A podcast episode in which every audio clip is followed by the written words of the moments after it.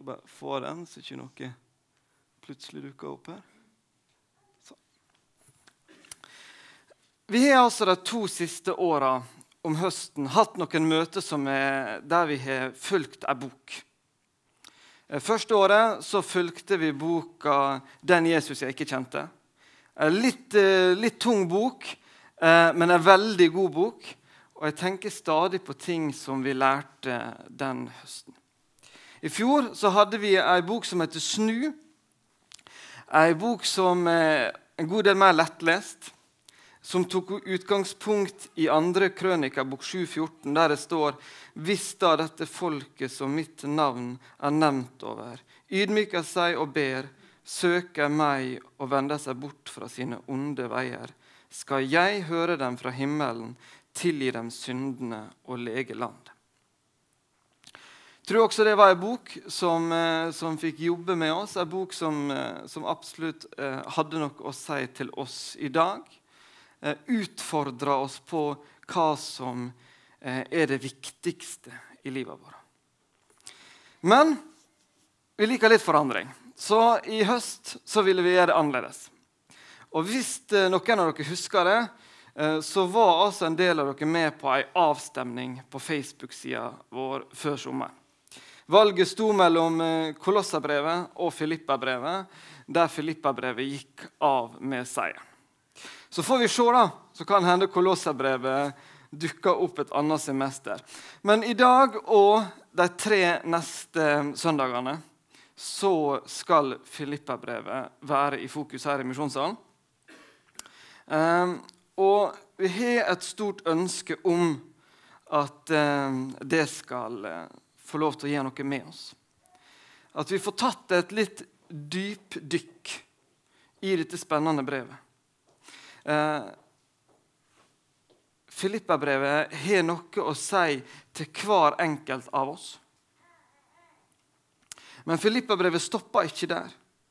Det kommer tydelig fram i andre Korinterbrev at menigheten i Filippi og de andre menighetene her i det området ble sett på noen, som noen eksempelmenigheter. Gud hadde fått lov til å gripe tak i folka i Filippi på en spesiell måte. Det hadde fått utslag i livet deres. Det hadde skjedd noe med dem. Gud, Gud hadde fått grepet tak i dem på en spesiell måte. Og så ønsker vi nå at det, dette skulle skje også med oss. At Den hellige ånd skulle denne morgenen få lov til å gripe tak i oss, jobbe med oss. Ja, jeg vil si det så sterkt at jeg håper at det 4. desember så vil vi si at vi er ikke den samme menigheten som før vi begynte på denne lille vandringa vår. Jeg håper det. I dag så kommer jeg til å bruke en del tid på innledning, bakgrunnen for Filippa-brevet. Så skal jeg si, ha fokus på tre vers fra første kapittel. Neste søndag så kommer Margaret Engås fra Stranda. Hun har vært kvart eller ja, de siste åra før jul og preika til oss. Så hun kommer og tar um, ja, det andre kapittelet og, og, litt til. Så Knut Asbjørn Ulstein skal ha da den tredje gangen. Uh, og så skal jeg avslutte. Så det håper vi blir bra. Jeg har ikke skrevet noe på verken nettside eller Facebook denne uka om å, på en måte fortalt så mye at vi skal i gang med dette og pushe at nå må dere lese og forberede dere. Jeg tenkte at Denne uka her er det mange som jobber med julemessa. Skulle ikke ha noe dårlig samvittighet for ikke å ha lest. Men nå håper jeg at uh, denne måneden som kommer nå, at vi kunne bruke litt tid på det her. Ikke bare disse søndagene i misjonssalen. Det er snakk om fire kapittel. Eh, det leser vi rimelig kjapt. Men les det gjerne flere ganger. Eh, kanskje du har en kommentar hjemme i bokhylla di du skulle lete fram, som kunne hjelpe deg til å få se litt. For vi, vi får ikke tatt alt på disse fire søndagene. Så, så bruk gjerne litt tid med Filippa-brevet de neste dagene og ukene.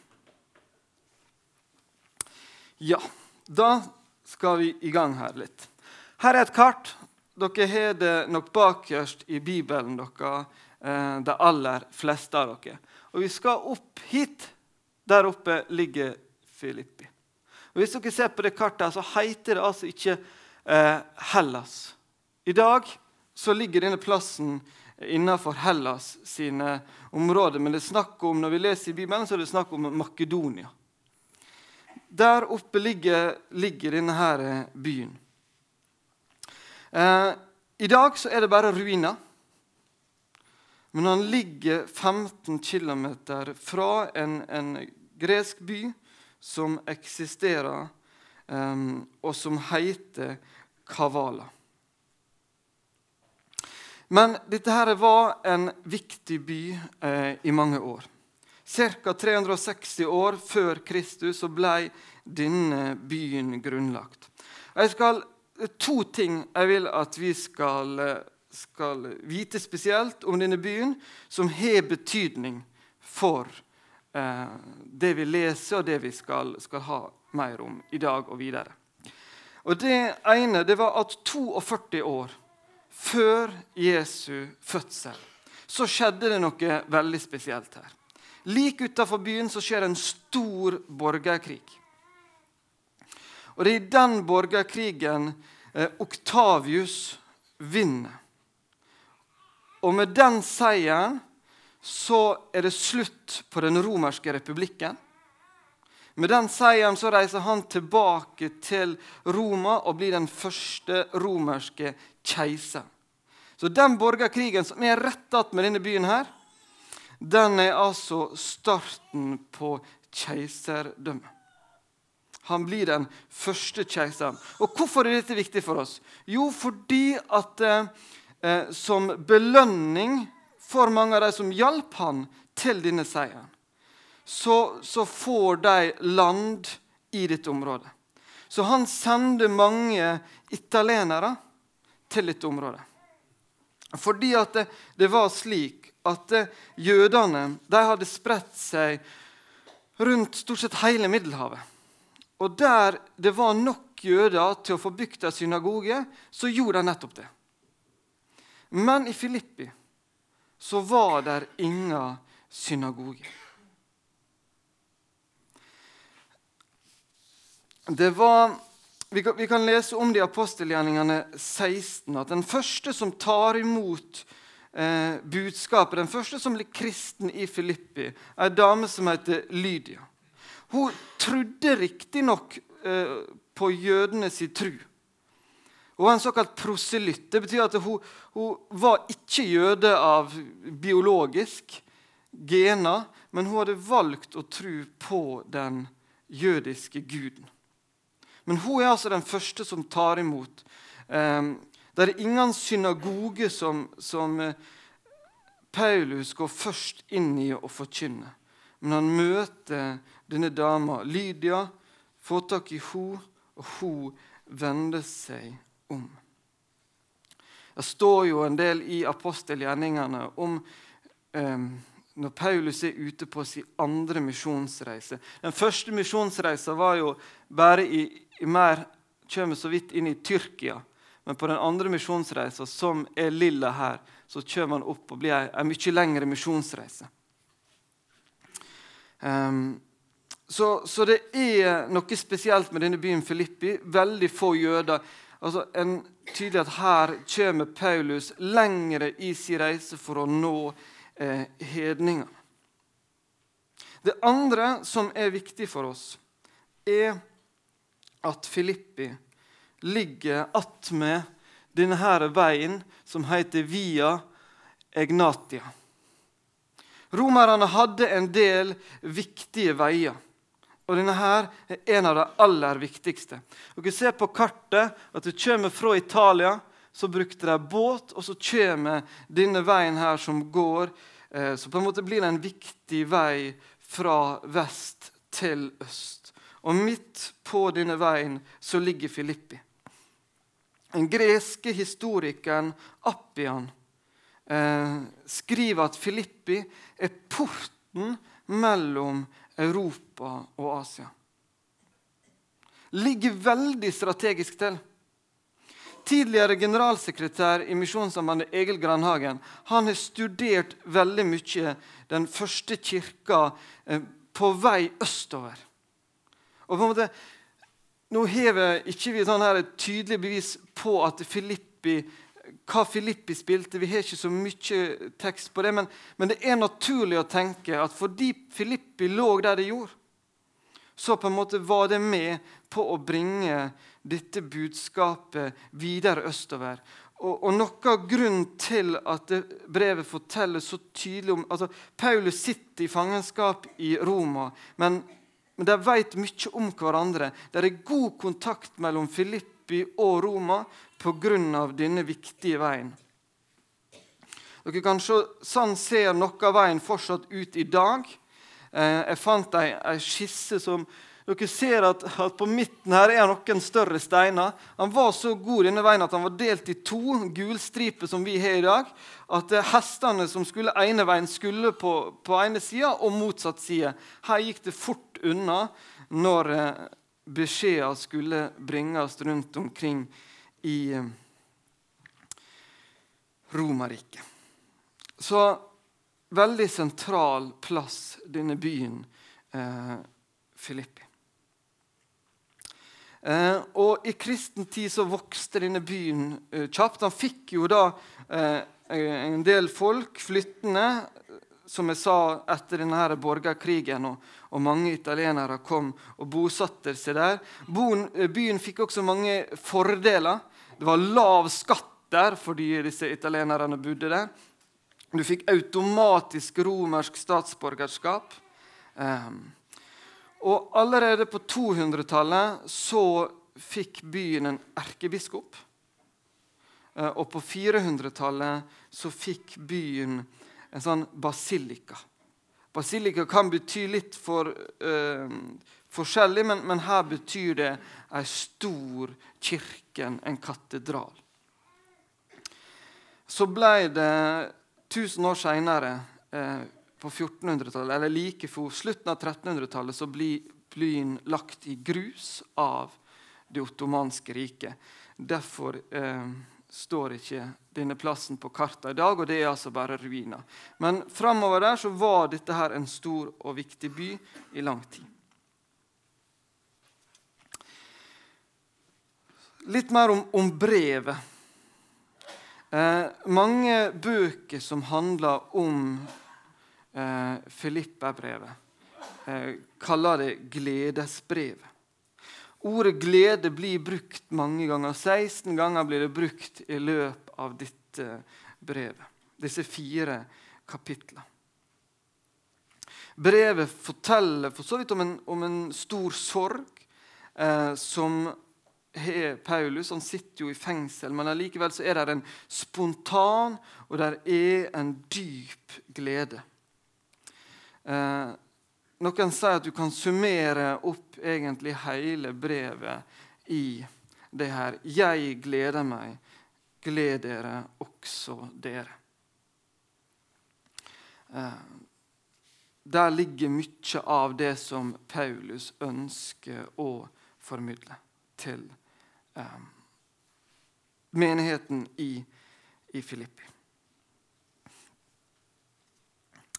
Eh, som jeg sa, så sitter Paulus i fengsel i Roma når han skriver brevet. Eh, det er mest sannsynlig i år 61 eller 62 etter Kristus. Han skriver at det er stor sjanse for at eh, utfallet av dette her fangenskapet kommer til å bli hans død. Likevel så setter dette her altså ikke noen stopper for frimodigheten hans og for gleden. Det som kanskje lett kunne ha følt ført til en desperasjon eller en depresjon. Det fører altså hos Paulus til en glede. Og Da snakker vi her om, om en glede som er, som er djupest. Galaterbrevet snakker om fruktene til Den hellige ånd. En av fruktene til Den hellige ånd er glede. Det er en glede som Paulus har fått tatt, tatt til seg, som er blitt gitt han fordi at Den hellige ånd lever i Paulus. tross at han har det vanskelig, så er det noe som Den hellige ånd får lov til å virke i ham. Og det ønsker den også å gjøre hos deg og meg i dag. Om vi skulle ha indre uro, om vi skulle være i vanskelige ting, så er det en ånd som ønsker å bo i oss, som være hos oss, og som ønsker å gi oss en grunnleggende glede som stikker dypere enn vårt følelsesliv, og som er mer overbevisende enn god visdom. Vi skal komme litt tilbake til det etterpå. Um, Paulus, når han skriver brevene sine, så er det en tendens til at det er et og annet ord. Gjerne et, et hovedord i hvert av disse her eh, brevene. Romerbrevet er veldig opptatt av Guds rettferdighet. Kolossabrevet snakker om fylde. I Filippabrevet er ordet koinonia. Koinonia går mye igjen. Ordet blir eh, ofte oversatt med fellesskap. Da fins det menigheter som kaller seg det her, og som ønsker på en måte Vil det fortelle noe at vi i vår menighet ønsker å ha et djupt fellesskap. Men ordet sier mer enn det. Og jeg tror at vi skal la dette ordet synke litt inn hos oss denne måneden. For i våre sammenhenger, i på en måte litt vår lavkirkelig tradisjon som Misjonssambandet står på, så har vi vært veldig opptatt av det personlige kristenlivet. Hvordan har du det med Gud? Og det er viktig, fordi at Bibelen forteller at det er hver enkelt av oss som må si ja til frelsens gave. Si ja til Guds nåde. Men det ligger altså noe annet i noe, noe som jeg håper vi kan på en måte få ta tak i denne måneden. For det ligger noe i dette uttrykket. En sånn grunnbetydning av det kan være det som står her delaktighet i noe sammen med noen. Det er noe mer enn bare mitt forhold til Gud. Fordi at jeg som et enkeltmenneske har fått tatt imot Kristus. Jeg har fått tatt del i det han har gjort. Men jeg har ikke gjort det alene. Jeg gjør det sammen med andre mennesker. Jeg er delaktig i noe sammen med andre. Jeg har fått opplevd noe, andre har fått opplevd noe. Vi har noe felles. Det er viktig her. Og kanskje, kanskje noen av, av dere opplevd det å, å, være eh, på tur. Eh, reist en plass, og så møter du mennesker du aldri før har sett. Så tenker du her er noe mer. Jeg tror at dette her mennesket her er kristent. Så finner du ut, snakker litt sammen, og du finner ut at det er det. Og Jeg har opplevd det sjøl et par ganger. Og det, det er noe med det her fellesskapet som vi har i Kristus. Koinonia. Og Det er noe av denne gleden også som Paulus da eh, vil dele med menigheten i Filippi. Fordi at han i Roma, de i Filippi, har noe sammen. De har et fellesskap. De har alle sammen delaktighet i noe sammen. I Kristus Viktige ord vi skal eh, ha med oss. Jeg skal nå eh, bruke resten av tida på tre vers fra det første kapittelet. Det første verset er Filipperne 1,5. For fra første dag og fram til nå har dere hatt del med meg i evangeliet. Paulus er tydelig på at eh, menigheten i Filippi Det er noe spesielt med deres tro. Helt fra dag én av så har de vært sammen med Paulus i dette oppdraget. Behovene er store. Jeg vil tro at denne menigheten i Filippi, som vi, som vi så, så, så er det få jøder. Det var få som hadde Gamletestamentet i ryggmargen. Få som på en måte kjente alle skriftene. De trengte nok ekstra undervisning for å se sammenhengene, for å se at Jesus var den som det var sagt så mye om i Gamle Testamentet. At han var den som skulle komme. De trengte nok mer kunnskap, og de kunne nok tenkt at Paulus var med dem. Men de hadde sett at han måtte gå videre. De hadde forstått at Paulus hadde noe å komme med som flere trengte å få ta del i. Fra dag én så hadde de vært med, de hadde forstått Paulus sitt oppdrag. Norsk Bibel sin, sin bibeloversettelse bruker ordet 'samfunn'. De hadde vært med Paulus. De hadde hatt felles samfunn med Paulus. Sammen, en, sammen hadde hatt en lik forståelse av både evangeliets eh, budskap, men også eh, Paulus sitt oppdrag. Misjonen sitt oppdrag. Og jeg tenker at dette her, eh, det kan lære oss mange ting. Ehm, som pastor så ser jo jeg alle behovene vi har her i Misjonssalen. Forrige søndag så hadde vi over 50 unger på ei søndagsskolegruppe. Første til fjerde klasse. Det hadde vært fint om vi kunne ha ansatt flere folk som kunne ha gått inn og, og brukt mer tid på dette, her, så frivillige slapp å nærmest slite seg ut på så store grupper. Tenk å kunne hatt det, tenker jeg. Så er det noe som dette her forteller oss. At vi skal ikke bli oss sjøl nok. For vi kan se der er andre menigheter som, som bruker mer penger på seg sjøl. Og jeg kan bli litt misunnelig på dem. For vi har i Misjonssambandet store ambisjoner om hvor mye vi skal sende videre. Tenker jeg, Dette her som står her, dette verset her forteller oss noe om at den ambisjonen må vi fortsette å holde høyt. Vi må ha fellesskap med Paulus og de andre som vil bringe evangeliet videre. Fordi at det er andre som ikke har hørt navnet Jesus ennå. Det er noen som ikke har hørt noe om dette. At vi kan få ta del i budskapet til Paulus på en sann måte. At vi forstår dette her. At det blir viktig for oss. Og så at vi også tenker at dette skal videre. At misjonstanken får lov til å være viktig hos oss. At den ligger langt framme i vår bevissthet.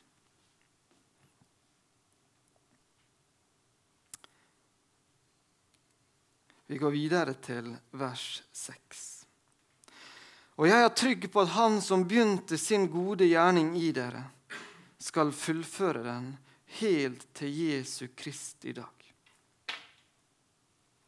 I dette verset så, så ligger her mye. Det ligger iallfall en, en tre betydninger som jeg vil at vi skal se på. Det første er vi som enkeltindivid. Idet vi tar imot Jesus som vår Herre, så begynner det en prosess i oss. Den hellige ånd begynner å jobbe med oss.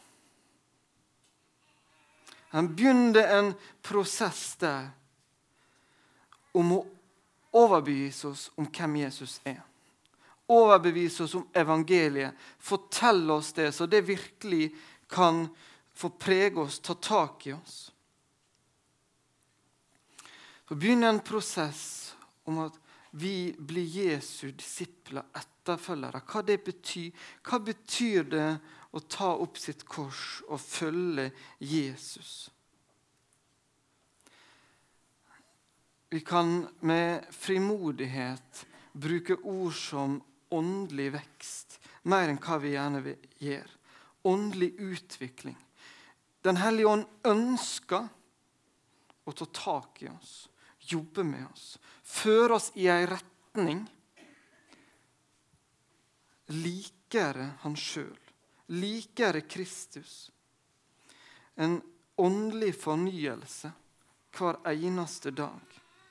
At vi litt og litt mer klarer å se denne verden gjennom Jesu øyne. Det kan bli en ganske eh, smertefull og utfordrende prosess. Men som vi eh, ser med Paulus, så resultatet er åndens frukter. Det vil gi oss en glede. Det vil gi oss eh,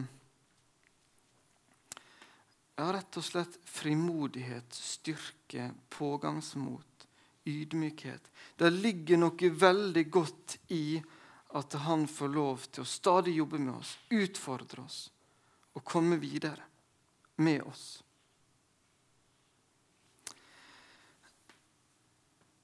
Dette her verset forteller også noe om fellesskapet vårt. Det forteller at eh, Den hellige ånd, Gud, jobber med oss som et fellesskap.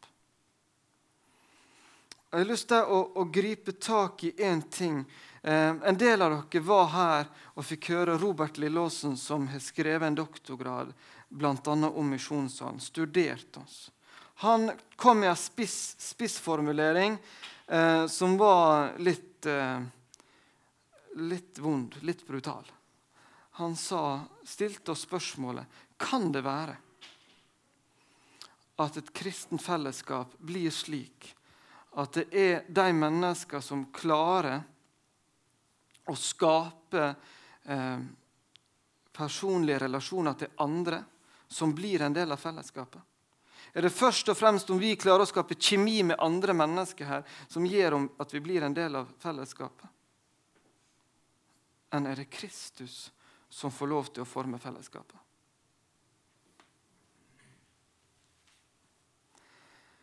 Jeg håper at Den hellige ånd kan ta tak i akkurat det. Jeg håper at Misjonsånden kan bli et fellesskap der vi evner å ta imot mennesker som ikke er helt like oss sjøl. Mennesker som vi ikke naturlig hadde valgt som bestevenner. Mennesker som vi ikke syns det er alltid lett å være sammen med. At vi blir et fellesskap som, som ønsker deg velkommen. At, ta, at vi tar oss av deg. Det håper jeg virkelig. Jeg ønsker at vi må be om at Gud gjør det med fellesskapet vårt. Vi snakker ofte om at vi vil ha et fellesskap som ikke er så likt. Da krever det at vi gjør noe med det. At vi ber Gud om å ta tak i akkurat dette punktet hos oss. Den siste tingen som, som dette verset sier noe om, det er om at misjon er Guds sak. Det er Gud som har valgt oss mennesker til å gå videre med hans budskap. Men det er hans sak. Eh, det kommer ikke an på deg og meg. For oss mennesker så er det godt å føle oss betydningsfulle. Vi kan ha håpe at det, det jeg gjør, det er kjempeviktig. Og Gud har kalt hver og en av oss fordi han syns det er så viktig å nå mennesker med hans budskap. Men allikevel så skal vi få lov til å hvile i det. At det kommer, at frelsets Oppdraget står og hviler ikke på deg. Gud har tenkt til å fullføre den gjerning han har starta. Gud skal sørge for at hans ord når til alle tungemål, til alle land, til alle stammer. Og vi skal få lov til å be om å få være med på det, og se stort på det å være med på det. Men vi skal samtidig få lov til å hvile i at dette her er hans oppdrag. Og det er han som har ansvaret, han som har kommandoen. Gud evner å bruke både de gode og de dårlige sidene hos oss til å bringe dette videre.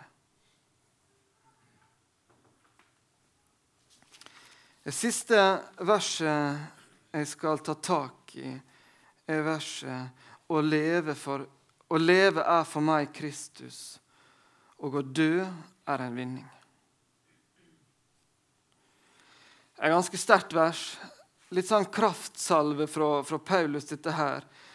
Um, og Jeg skal ikke legge opp til at verken du eller jeg skal måtte avlegge et personlig vitnesbyrd akkurat nå og si om vi eh, med god samvittighet kan uttale dette her akkurat i dag fra et helt hjerte. Men det ligger mye i denne setninga som er spennende. Og denne setninga her står i en sammenheng i dette brevet. Jeg skal prøve å se litt på det innholdet her i lys av både hele brevet og andre ting som Paulus har skrevet. Og vi må inn med en flerdimensjonal analyse av dette ordet her, fordi at vi har så lett for å tenke endimensjonalt. Vi har lett for å tenke at eh, altså Noen av oss er, er, veldig opptatt av det intellektuelle. Og kan tenke at eh, Guds budskap det er noe som jeg skal ta til meg, som jeg må få opp i hodet mitt, som jeg der må, må sitte fast. Andre av oss er veldig opptatt av følelser. Og tenk at Det er viktig at jeg hele tida har denne gode følelsen for Guds budskap. Men evangeliet er ikke noe som er bare for tanke eller bare for følelser. Evangeliet er et budskap til både tanke, følelser, til vilje, til liv, til hele oss. Og Det er derfor Paulus kan si at å leve for meg er Kristus. Det er snakk om hele livet. Det er et budskap som er adressert til absolutt hele oss. Hadde det vært et budskap bare til hodet, så hadde vi fort blitt 17 kvars i krå og meditere over dette her budskapet alene. Hadde det bare vært adressert til følelseslivet vårt, så hadde det blitt mye oppturer og nedturer. Hadde det kun vært adressert til viljen vår, så hadde det også da kommet til kort. Men følelsene våre de henger sammen med resten av kroppen. Kanskje følelsene er det som skal til for å skape viljen. For å skape lyst til å studere, lese, så dette kan bli et budskap til haud. Men det er altså et budskap som skal få lov til å ta del i hele oss. I tanke, i følelser, i vilje og i livsførsel. Det skal bli en del av hele oss. Den Kristus som møtte Paulus på vei Damaskus, til Damaskus, er en herre og en gud som ønsker å gjennomsyre hele livet til Paulus. Og en Gud som ønsker å gjennomsyre hele livet ditt og mitt i dag ta bolig i hele oss. I eh, Galaterne 2,20 så står kom det her. Da skriver Paulus jeg er korsfestet med Kristus. Jeg lever ikke lenger selv, men Kristus lever i meg.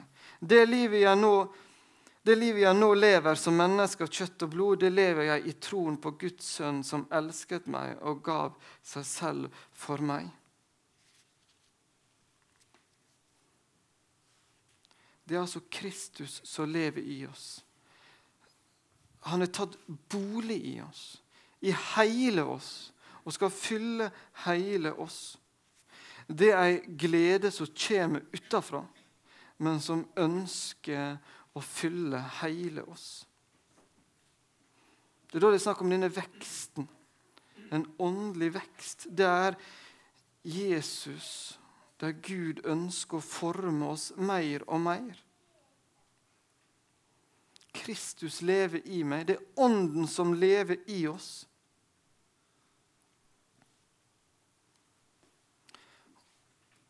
Og slutten der å dø er en vinning.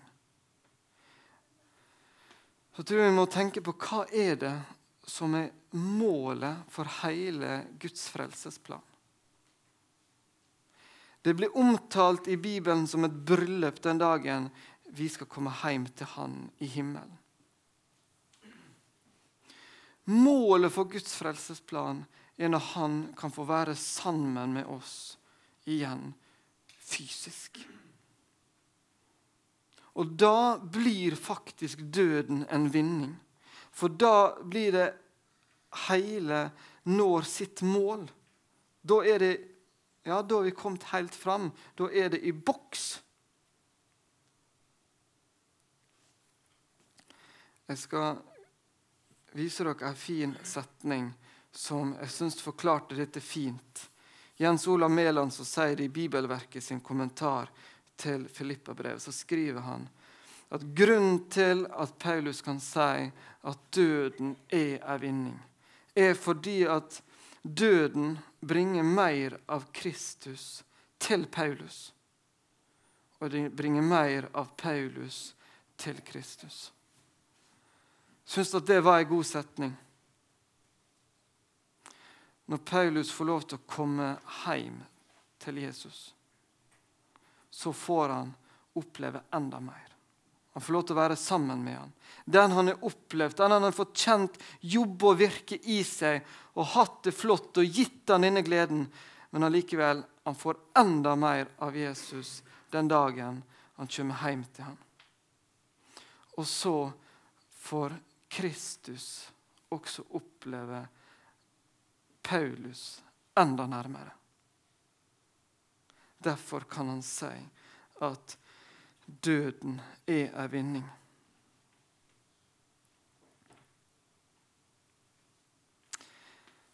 Jeg håper at vi har fått sett noe i dag. Fått et innblikk i noe av det Paulus ønsker å formidle til denne menigheten i Filippi. Det er noe om at eh, egoet får lov til å minke.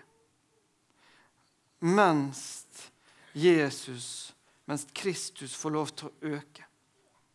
Det er en ånd som er tatt bolig i Paulus, som hjelper han til å vokse i trua. Som hjelper fellesskapet til å vokse i trua. Og at vi får se at vi er i Kristus sammen med andre. Og at dette her skaper en djup glede som vi har i hele vårt menneske. Kjære himmelske Far. Jeg har lyst til å takke deg for dette brevet til menigheten i Filippi. Takk for dette budskapet som du møtte Paulus med på vei til Damaskus, som fikk så enorme konsekvenser for ham. Som fungerer at han la ut på disse misjonsreisene. Så han fikk oppleve det han gjorde, og få formidle det til oss gjennom disse brevene. Jeg ber nå om at eh, Din Hellige Ånd får lov til å jobbe med oss veldig denne måneden. At vi får lov til å se inn i dette her budskapet her på en spesiell måte. At vi får lov til å oppleve at du ønsker å ta tak i oss og jobbe i oss. Og at vi kan få lov til å kjenne på Den hellige ånds frukter i livet vårt. Amen.